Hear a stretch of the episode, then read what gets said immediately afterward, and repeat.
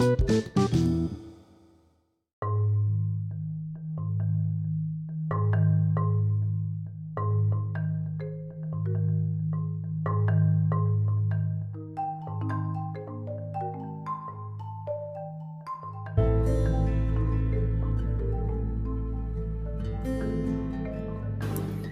jumpa lagi dengan saya Christian Guswai untuk Retail Guru Podcast.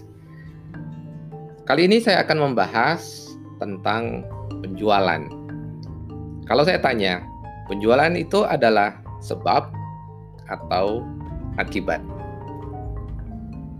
Saya ulangi ya, sales atau penjualan itu sebab atau akibat? Ada yang mengatakan sales atau penjualan itu adalah sebab kalau itu ya pilihan Anda, maka akan terjadi seperti ini. Karena sales itu adalah sebab sehingga Anda melakukan yang lain-lain. Sekarang kita balik. Sales adalah akibat. Sales adalah akibat.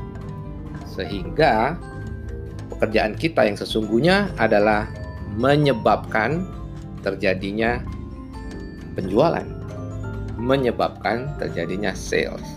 Anda pilih yang mana? Kalau Anda tanyakan itu kepada saya, saya akan mengatakan sales adalah akibat. Tugas kita adalah menyebabkan terjadinya penjualan. Artinya, kesibukan kita seharusnya digunakan untuk menyebabkan terjadinya penjualan. Karena sales itu adalah akibat, maka dia tinggal menunggu.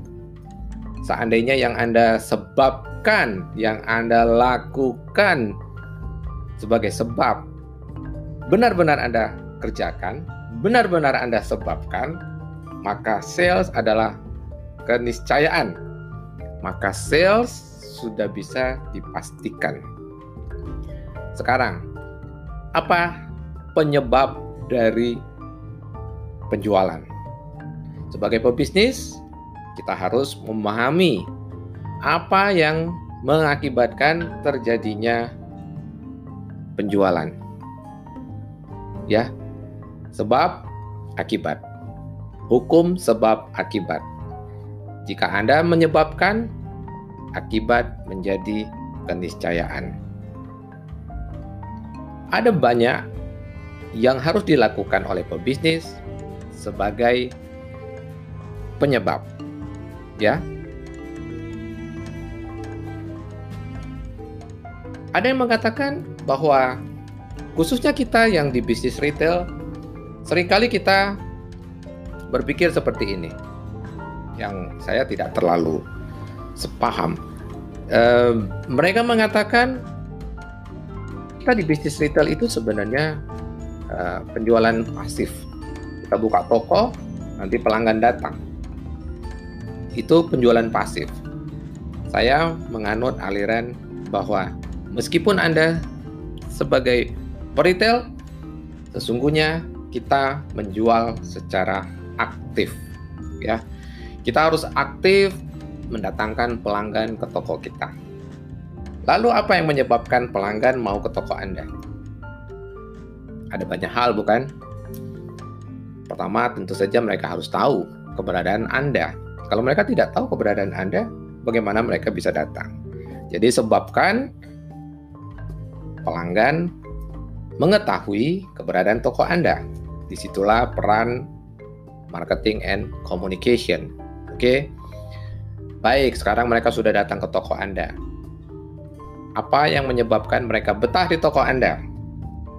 Itu lagi tugas Anda. Apa yang menyebabkan terjadinya transaksi? Ada serangkaian faktor. Nanti kita bahas di episode mendatang. Tetapi mereka sudah datang. Apa yang menyebabkan terjadinya transaksi? Ada sederetan kegiatan. Oke. Kemudian apa yang membuat mereka betah berlama-lama di toko kita? Karena kalau mereka betah di toko kita lama, maka kesempatan terjadinya transaksi akan makin besar lagi. Di situlah peran pelayanan. Ya, Di episode berikutnya kita akan membahas faktor-faktor penentu penjualan. Tetapi di episode kali ini saya ingin menegaskan sales adalah akibat tugas kita sebagai pebisnis adalah menyebabkan terjadinya penjualan. Demikian episode kita kali ini. Semoga menginspirasi. Anda bisa bagikan video ini kepada rekan-rekan Anda, eh, kepada orang-orang yang bekerja bersama Anda, agar semakin banyak orang yang memahami hakikat dari bisnis kita. Sampai kita jumpa lagi. Salam grow and prosper.